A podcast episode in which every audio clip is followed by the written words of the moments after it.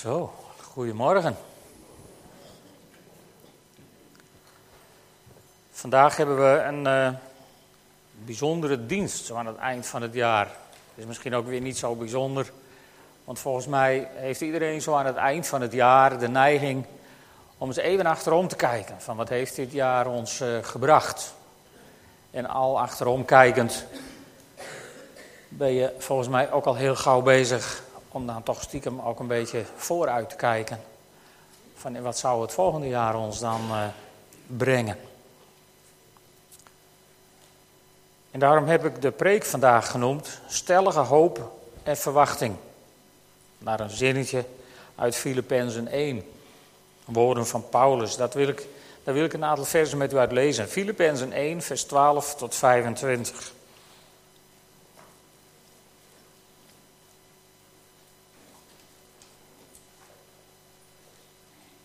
Filippi was de eerste gemeente op het Europese vasteland die door Paulus werd gesticht.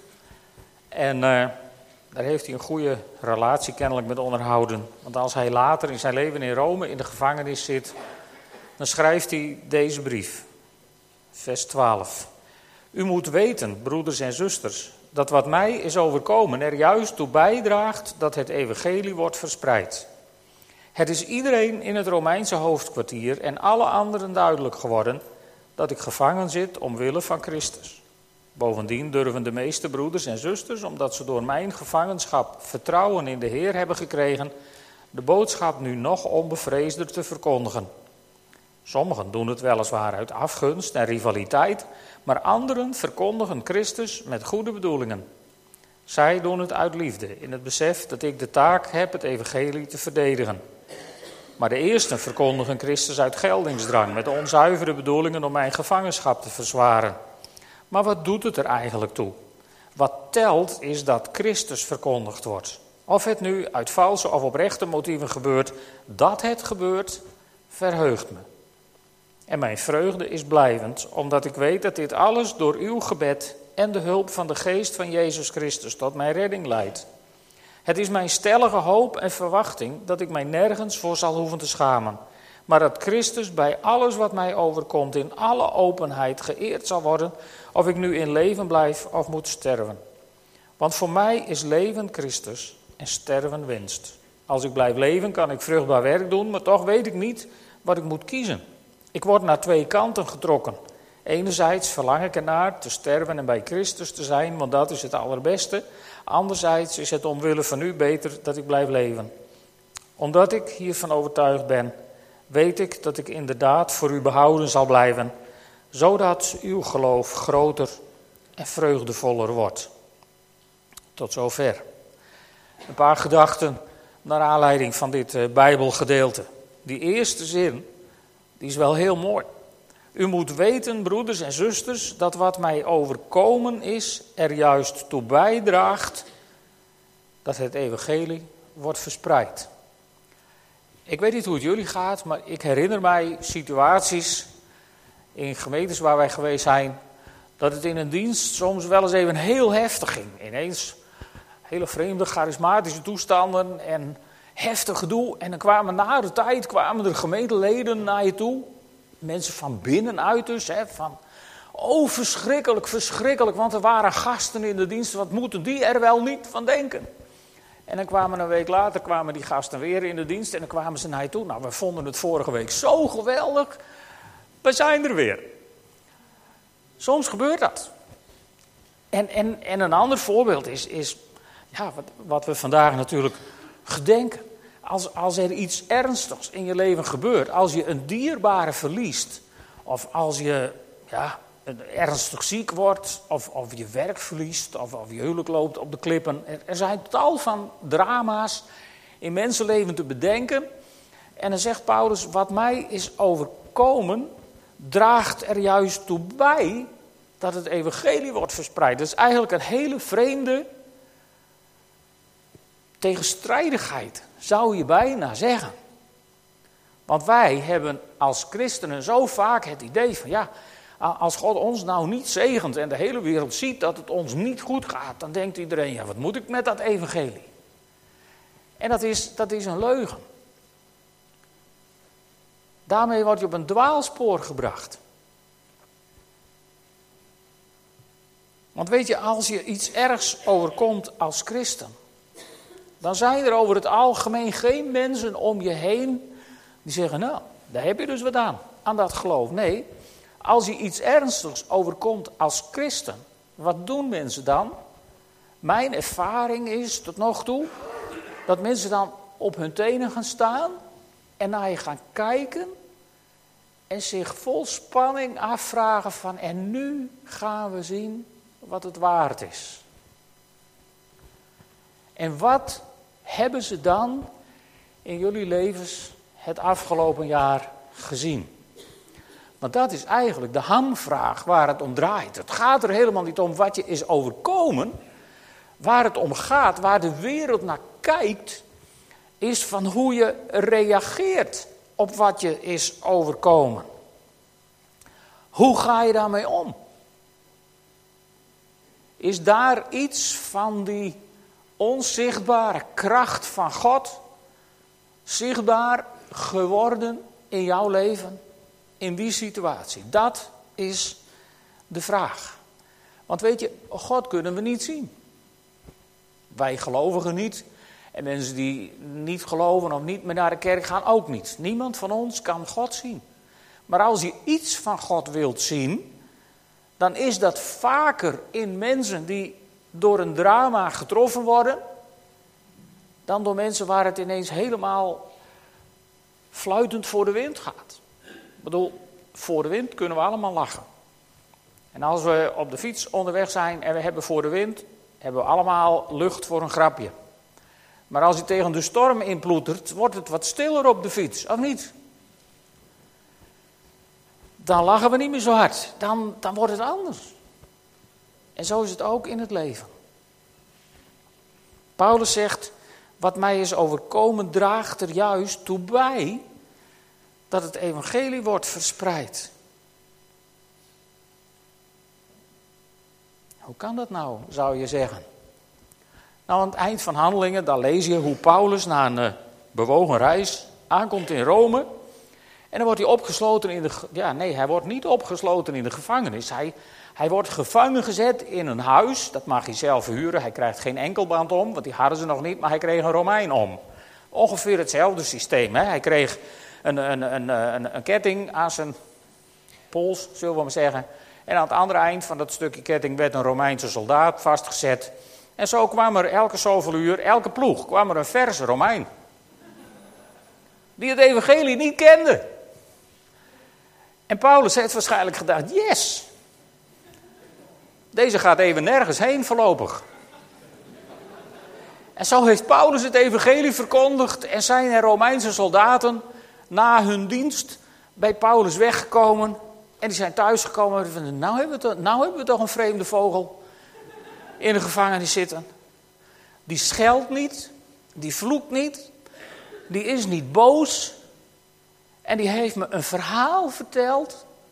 Een verhaal van een man die bereid was aan een kruis te sterven voor de zonden van de hele wereld. Moet je je voorstellen. En zo kwam elke Romein thuis bij zijn familie. Met een heel verhaal. En dan zijn vast mensen van tot geloof gekomen. Wat mij is overkomen, heeft er juist toe bijgedragen dat het evangelie werd verkondigd. En mensen eromheen hebben het gehoord en doorverteld aan anderen en weer gehoord en weer doorverteld aan anderen. En zo kreeg Paulus elke zoveel uur een verse Romein. Om het evangelie aan te verkondigen. Wauw. Wat een reactie. Hoe, zou, hoe zouden wij dat gedaan hebben als wij in zo'n situatie hadden gezeten? Want ik bedoel, ik schilder het nou wel een beetje luxe voor, maar het had natuurlijk ook zijn tegen, zijn, zijn, mindere kant. Want Paulus zat wel gevangen. En hij liep ook het risico dat hij dat met de dood zou gaan bekopen. Ik bedoel, het was ook niet allemaal prijs de Heer, halleluja. Maar kennelijk heeft hij daar toch zo geleefd en getuigd dat mensen er de kracht van Christus in hebben gezien. En weet je, als die kracht zichtbaar wordt, dan, dan gebeurt wat er in vers 14 staat. Dat mensen vertrouwen in de Heer hebben gekregen, ook om de boodschap nog onbevreesder te verkondigen. En die kracht, ja, die kracht, die wordt over het algemeen niet zo zichtbaar in de geweldenaren van deze tijd. In de power van deze samenleving. Dat is menselijke kracht die dan zichtbaar wordt. Maar Paulus die schrijft aan de, aan de Corinthiërs in de tweede brief, aan de Corinthiërs hoofdstuk 12, dan zegt hij, wat mijzelf betreft zal ik me slechts op mijn zwakheid laten voorstaan. En zelfs al zou ik hoog van mezelf willen opgeven, zegt Paulus, dan zou ik nog geen dwaas zijn, want ik zou de waarheid spreken. Maar ik zie ervan af, want ik wil worden beoordeeld op grond van wat men van mij hoort en ziet. Niet op grond van de uitzonderlijke openbaringen die ik heb gekregen. Dus Paulus die, die is zich bewust dat hij toch wel een hele bijzondere man van God is. Die, die ja, op zijn status zou hij heel wat kunnen zijn. En zegt, maar daar, daar ga ik niet voor. Hij zegt niet, uh, om, om te verhinderen dat ik mezelf zou verheffen, werd mij een doorn in het vlees gestoken. Ik word gekweld door een engel van Satan. Hoe dat eruit heeft gezien, daar ga ik het niet over hebben. Er zijn boeken over volgeschreven zonder tot een oplossing te komen. Dus dat is redelijk zinloos. En dan zegt hij, ik heb de Heer driemaal gesmeekt mij van hem te bevrijden. Maar hij zei, je hebt niet meer dan mijn genade nodig, want kracht wordt zichtbaar in zwakheid. Dus laat ik mij veel liever voorstaan op mijn zwakheid, zodat de kracht van Christus in mij zichtbaar wordt. Je laat hem voorstaan op je zwakheid. Weet je, dat hebben ook buiten de kerk verschillende mensen ontdekt. Er zijn hele beroemde mensen op deze aarde die dit in de praktijk hebben gebracht zonder dat ze in Jezus Christus geloofden. Gandhi was daar bijvoorbeeld één van. Met zijn, ja, zijn ongewapend verzet, zeg maar. Gewoon zijn wie je bent. Mandela heeft daar ook dingen van laten zien in de wereld. Niet met geweld, niet door kracht of door geweld, maar door mijn woord, zegt de Heer. Dat staat in de Bijbel. En er zijn mensen die hebben dat dan wel niet met het woord van God gedaan, maar ook niet door kracht of geweld. En juist als je afziet van je eigen kracht, van je eigen kunnen, dan gebeuren er dingen. En heel vaak heb je weinig keuze hoor. Heel vaak moet je gewoon afzien van je eigen kunnen. Want als er een drama zich in je leven voltrekt, dan is je eigen kunnen ineens niet zo heel veel meer waard. Je kunt een hele flinke vent zijn. En je kunt een hele flinke vrouw zijn. Maar als een van je ouders het leven verliest, of een van je kinderen het leven verliest, of een van je kinderen ernstig ziek is, of gehandicapt, of nou, noem het maar. En je hebt inmiddels de sterren van de hemel gebeden voor jouw gevoel. Die power, die brengt je nergens. Maar als je in je zwakheid in je zwakheid tegen mensen om je heen durft te zeggen en toch vertrouw ik op God. Dan gebeurt er iets om je heen. Dan worden mensen nieuwsgierig. Dan wordt er ineens wordt er naar je gekeken. Dan wordt er op je gelet. En dat is volgens mij wat Paulus het belangrijkste vindt. Dat zegt hij ook in vers 18. Of in vers 18 zegt hij, het doet er eigenlijk niet zoveel toe hoe Christus wordt verkondigd. Of Christus nou uit een heel groot stuk machtsvertoon wordt verkondigd, of met valse bedoelingen, of met goede bedoelingen, of uit een stuk gebrokenheid. Wat doet het ertoe? Nou, ik denk dat, dat Christus laten zien vanuit een stuk gebrokenheid in je verdriet de mensen om je heen ja, laten zien, die zien eigenlijk aan de manier waarop je daar doorheen gaat. Van hé, hey, dit is meer waard dan ik had gedacht. Hier zit iets in, maar het blijft dubbel. Het blijft dubbel. Paulus zegt dat ook. Ik word naar twee kanten getrokken, zegt hij. Enerzijds verlang ik ernaar te sterven. en bij Christus te zijn. Maar dat is het allerbeste. Ik denk dat iedere gelovige daar wel, wel iets van heeft. Maar zeker als je, tenminste als ik, het voorrecht heb om, om, om bij een, een proces van overlijden betrokken te zijn. En dat noem ik echt een voorrecht. Dat is, dat is geen, geen straf, maar dat is een voorrecht om daar heel dichtbij te mogen komen. Op zo'n kwetsbaar moment in, in het leven van mensen of van nabestaanden. Dan, uh, dan snap ik wat Paulus hier bedoelt.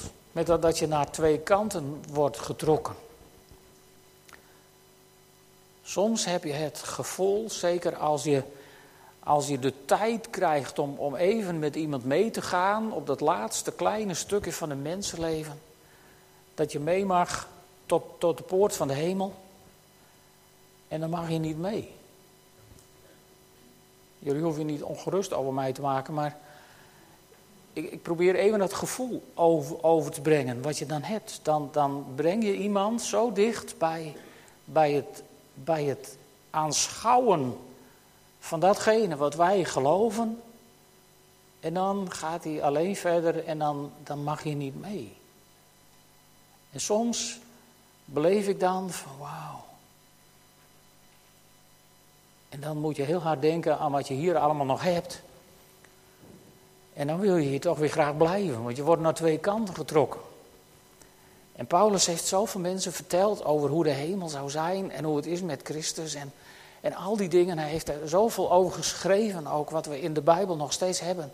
Ik, ik snap zo goed dat hij af en toe dat dualisme in zich had van ik zou wel willen, maar ik blijf hier toch ook nog maar even. Dat dualisme, daar heeft Paulus last van gehad. Maar dan zegt hij zo mooi in dat ene vers, vers 20: Het is mijn stellige hoop en verwachting dat ik mij nergens voor zal hoeven te schamen. Dat hoeft ook niet. Weet je, als je een dierbare verliest, dan mag je daar verdriet om hebben. Het zou al raar zijn als je dat niet had. Laten we eerlijk zijn. En ook als andere drama's zich in je leven voltrekken, als je door ziekte wordt getroffen of, of je werk verliest of, of nou, noem het maar. Natuurlijk mag je daar verdriet van hebben. Het zou heel onnatuurlijk zijn om dat niet te hebben. En christenen zijn niet onnatuurlijk. Christenen hebben ook verdriet. En die lijden ook onder de omstandigheden. Alleen daarna wordt het bovennatuurlijk, want in dat lijden in die omstandigheden, daar is een kracht aanwezig die je draagt. En weet je, het is mijn stellige hoop en verwachting dat jullie verdriet, teleurstelling over een tijdje niet anders zullen zijn dan het mijne. Over een tijdje zul je achterom kijken en dan zul je vaststellen dat God je warempel heeft gedragen toen het even niet meer ging. Hij was en hij is en hij zal voor eeuwig bij je zijn, barmhartig, bewogen, heilig en aanwezig. God met ons hebben we met kerst even bij stilgestaan. Immanuel, hij is bij je. In al je omstandigheden, hoe ze er ook uitzien. Immanuel, God is met je. Hij gaat er met je doorheen. En, en, en tijdje terug in een preek heb ik Psalm 23 aangehaald. 23 vers 4. Zelfs al ga ik door een dal van diepe duisternis, ik vrees geen kwaad, want gij zijt bij mij. Uw stok en uw staf, die vertroosten mij. En weet je, toen heb ik dat volgens mij ook geprobeerd uit te leggen, maar het was toen iets, het viel me zomaar in, in de preek. Een, een herder in die tijd was niet rijk, die had niet veel. Wat een herder had, in de Bijbel was zijn staf. En meestal had hij die zelf gemaakt, van een boomtak of zo. En die was hem dierbaar. Dat was heel privé, heel persoonlijk. En uh, die staf die gaf die herder niet weg. Ik denk zelfs dat heel veel herders met hun staf werden begraven. Dat ze die meekregen. Dus als, als David hier zegt, uw stok en uw staf die vertroosten mij, dan moet je goed vasthouden wat hij daar vlak voor zegt. Gij zijt bij mij. Als de stok en de staf, als de staf van de herder er is, als je die voelt in de duisternis van een donker dal en je ziet het even niet meer zitten. en je ervaart iets van de staf van de herder, dan mag je één ding weten, dan is de herder er ook. Want als jij het ene eind van de stafbeet hebt, heeft hij het andere eind van de stafbeet, want dat is het laatste wat hij los zal laten. En zo mogen die staf van die herder, mag die staf van die herder jouw troost zijn. De wetenschap van wauw, God is vlakbij me. En, en weet je, dan gebeuren er bijzondere dingen. Nog een vers uit een Psalm 84. Daar staat: Trekken zij door een dal van dorheid, het verandert voor hen in een oase. Een rijke zegen daalt als regen neer. In de, in de NBG-vertaling staat volgens mij dat, dat als ze door dat dal trekken, van die ingewikkelde bomen, dan verandert dat voor hen in een oord van bronnen. En dat is wat mensen om je heen willen zien. Als je door dat dal gaat, en, en, en, en, en we hebben allemaal zo bij tijd en wijle, bij toerbeurt, een dal voor te kiezen. Want zo zit het leven nou een keer in elkaar. Maar als je door dat dal gaat en de staf van de herder vertroost je, dan wordt dat dal tot een oord van bronnen, tot een oase. En dan kom je zingend dat dal uit. Dat is toch wel heel bijzonder, vind je niet? Dat is de God die wij dienen. Die wil met je mee, die gaat naast je, die vertroost je. En die geeft je de kracht om verder te gaan. Wel, hier zitten mensen die in 2013, of op 2013, terugkijken met, met gemengde gevoelens. Of met verdriet. En daar willen we vandaag ruimte aan geven. Op deze dag zo, aan de laatste zondag van het jaar, willen we als gemeente om jullie heen staan. En we denken daar, uh, daarbij in de eerste plaats aan de families van Heeltje Vegeling en van Peter Bonhoff. Leden van de gemeente die, ja, die naar de Heer zijn gegaan. De poort zijn doorgetrokken. Maar we willen ook denken aan oud-gemeenteleden als Anna Talsma. Ik zie de familie achterin zitten, welkom. En uh, ook aan Martin Oppendijk. Die zomaar naar de Heer gingen. En daarnaast zijn er ook gemeenteleden die in de familie of in de vriendenkring dierbaren hebben verloren. Er zijn nogal wat mensen die hun vader of hun moeder hebben verloren. Kinderen. En er zijn ook mensen die niet iemand hebben verloren aan de dood, maar wel een ingrijpend verlies hebben ervaren. Mensen hebben door een scheiding hun partner verloren, of door een ziekte een deel van hun gezondheid, of door de crisis waar we met z'n allen in schijnen te zitten, hun baan. Het kan allemaal heel ingrijpend zijn in je leven. Maar weet je, jaren geleden, toen ik zelf in zo'n crisis zat, toen heeft de geest van God mij geleerd om niet langer met vuisten omhoog naar de hemel te staan en te bidden waarom. Maar juist om te bidden, Heer, ik snap het niet, maar help me hier alsjeblieft doorheen. Sinds die tijd ben ik ervaringsdeskundige geworden dat de Heer je er doorheen helpt. En als je niet meer kunt lopen, velen van u kennen vast die aanzichtkaart wel of dat gedichtje over die voetstappen in het zand. Ik ben een van die ervaringsdeskundigen die kan zeggen, op een gegeven moment kijk je achterom en dan zie je hele diepe voetstappen in het zand. En dan weet je, kijk, toen het niet meer ging, heeft God zijn armen om me heen geslagen. En heeft hij me een eindje op zijn schouders gezet en er doorheen gedragen. En toen het weer ging, heeft hij me weer op mijn eigen benen gezet. Van nou, dan gaat het wel weer. En dan gaat het wel weer meer soms ook niet. Wij verwachten soms zo van als God je er dan doorheen draagt, is het ineens weer allemaal prijzen, Heer, halleluja. Maar dat is niet zo. Heel vaak zijn de problemen er nog niet anders van, maar jij bent er anders van. Omdat God je heeft gedragen, heeft je getroost, gezegend. En dan is alles nog lang niet weer in orde, maar God is erbij en hij wijst je een weg om verder te gaan. Weet je, zo is Jezus. Hij kent je pijn en je verdriet, maar hij is ook degene die je troost geeft. Toen er een man naast hem hing aan het kruis te sterven en Jezus ook bezig was te sterven, Toen zei die man, Heer, denk aan mij.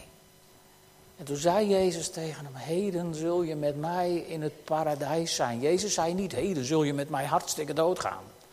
Hij zei, nee, heden zul je met mij in het paradijs zijn. En daarmee relativeerde hij als het ware datgene wat er gebeurt als iemand hier op aarde sterft. Dan gebeurt er iets bijzonders. Als je dan Jezus kent, ga je met hem kennelijk zo het paradijs in. Anders zou Jezus het volgens mij niet, niet gezegd hebben. Dus de dood heeft niet het laatste woord. Het is wat Jezus ons hier laat zien. En toch is het goed om te rouwen, om stil te staan bij verdriet. Niet om jezelf te kwellen, maar om je verdriet een plekje te geven bij God. En daarom willen we jullie straks de gelegenheid geven om een, een lichtje aan te steken en dat hier op deze spiegel te zetten. Eerst twee voor Heeltje Vegeling en Peter Bonhoff. En daarna als de familie Talsma wil, mogen ze hier ook een lichtje aansteken. En uh, Theo heb ik gehoord zo pas, dus die is vast ergens. Ja, nou, Theo en Wieke willen misschien een lichtje voor, uh, voor Martin aansteken. En dan zijn jullie allemaal, als je iets bij God wilt brengen, dan ben je vrij om te komen, een lichtje aan te steken en hier neer te zetten. En, en, en wat ligt hier dan hiervoor? Nou, even ter beschrijving. Hier ligt een heel mooi groot wit hart.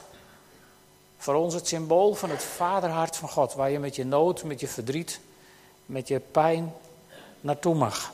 En op dat hart ligt een spiegel en we willen graag dat u de lichtjes op die spiegel zet. Dan ga je straks namelijk wat heel moois zien. Want waar het mensenhart vaak een bodemloze put is die alleen maar absorbeert, is het vaderhart van God als een spiegel die alleen maar reflecteert. En die reflecteert andere dingen dan erop schijnen. Het vaderhart van God is heel bijzonder. Want als je op het vaderhart van God je verdriet spiegelt, dan krijg je daar troost voor terug. Dat staat in Jesaja 60 en dat wil ik tot slot jullie voorlezen. De geest van God, de Heer, rust op mij. Want de Heer heeft mij gezalfd om aan armen het goede nieuws te brengen, heeft hij mij gezonden. Om aan verslagen harten hoop te bieden. Om aan gevangenen hun vrijlating bekend te maken en aan geketenden hun bevrijding om een genadejaar van de Heer uit te roepen en een dag van wraak voor onze God, om allen die treuren te troosten. Om aan Sion's treurenden te schenken, en dan moet je goed opletten, een kroon op hun hoofd in plaats van stof. Vreugdeolie in plaats van een rouwgewaad. Feestkledij in plaats van verslagenheid. Men noemt hen terebinten, hele grote bomen zijn dat van gerechtigheid. Geplant door de Heer als teken van zijn luister. En zo zul je straks, als je goed kijkt, een bron van licht zien. De hoop straalt je tegemoet. En dat is wat God wil doen met ons verdriet als we dat bij Hem brengen. En we gebruiken daar een kaarsje voor. Waarom? Ja, we hebben twee kaarsen en verder vaccinelichtjes. Waarom doen we dat? Niet, niet omdat we iets, iets magisch of iets mystieks hebben met dat kaarsje. Wij, wij, wij doen niet aan, aan het idee dat als je een kaarsje aansteekt, dat het lichtje iets, de ziel van de doden zou zijn. Integendeel, de doden, degenen die ons ontvallen zijn, die zijn bij de Heer Jezus. Die zitten hier niet in de vlam van een kaarsje. Waarom doen we het dan wel? Nou, als je een kaarsje aansteekt, een kaarsje is licht in het donker. Dan moet je vanavond, als het donker is, maar eens proberen. In een donkere kamer, één kaarsje, is de hele kamer licht. En, en je kunt straks je hand erboven houden, niet te dicht, als het even kan. Maar een kaarsje geeft ook warmte. In de kou. Het wordt mensen aangeraden als ze dreigen ingesneeuwd te raken. En als er weer is om vaccinelichtjes bij je te hebben in de auto. Dan heb je licht en je hebt warmte in de auto. En, en daarbij is het ook nog zo, tenminste, ik weet niet hoe het met jullie is, maar ik, ik, ik ben zo'n zo'n figuur. Als ik in zo'n vlammetje ga zitten kijken, dan komt er een zekere rust over je. Dan komt er een vrede in je. Ja, ik ben zo vreemd. Zo kan ik ook voor de open haard zitten. En dat is niet goed, want ik kom er nooit weer weg. In de vlammetjes kijken. En van alles bedenken. En de stem van God horen. Ach, zo zou je over die kaarsjes van alles kunnen zeggen, maar dat gaan we niet doen. We gaan uh, een moment stil zijn en God zoeken.